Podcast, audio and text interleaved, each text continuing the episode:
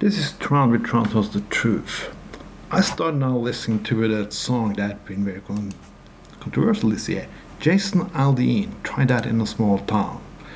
The video is very funny because it shows all kinds of riots and troubles and so on. Yeah, basically done by people he thinks is Black Lives Matters, radicals, leftists, and so on. But every now think people know that the radical bullshit has been going on It's usually from the right, from Trump conservative people. Try that in a small town. Well, I love thing I don't want to try in a small town. And the basically one thing is I don't want to live there. No, living in a small town is not good. That's why people fucking move away. If I go to a pub in Bergen, I hear a lot of dialects there. If you go to a gay pub in Bergen, it's even more dialects there. The biggest city is in Norway is fucking getting bigger. And the small communities, like a small town, I think it is, it's not. It's a reason for that. Because they're not a very good place to live in. How you can be what you want to be is very highly regulated. What you can think, what you can say. So for many years, people tried to make a like a romanticization of the small town, like oh, there's family, God-fearing people working hard, and all that kind of bullshit. Yeah, but also not those stupid people who don't want to change. They want every people around them to change so they can keep on living in denial. Because that's what small towns fucking often do. Those small towns who survive try to think some, about something new, accepting new ideas, accepting new people. But no, other con- not conservatives. And then wonder why are not people moving there? Why is it still a small town? It's a small town because, yeah, again, it's a stupid town. I don't say every small town people are stupid. There are small towns in Norway who's nice places to be, but they're also boring places to be. When I was a kid, I grew up in a small town.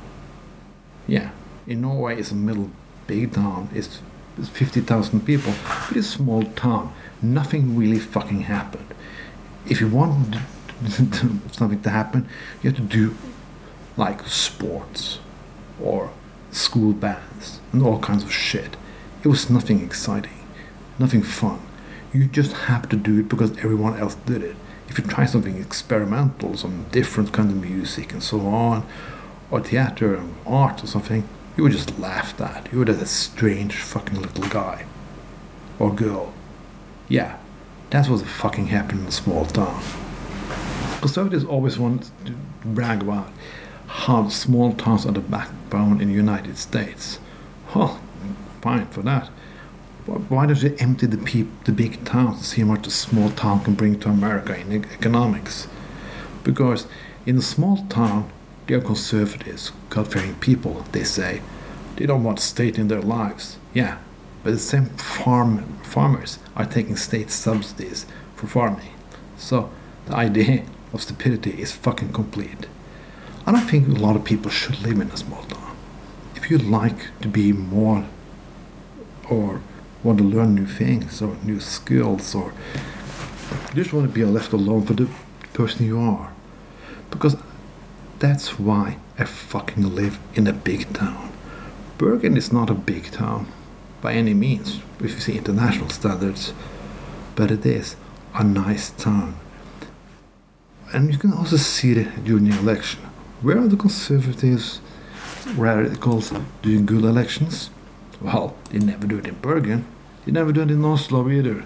They're not doing it in Trondheim or Tromsø, all the major good cities.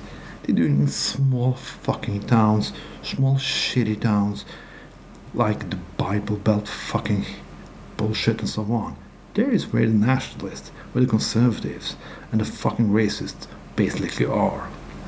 So this now you can go on and brag about a small town or it's better or bigger or or more better people defend your family or defend this and defend that. But just please, for all of us, just keep being in that small town. Not spread your fucking bullshit where intelligent people live in the big, good towns. Thank you. This was Tron Tells the Truth.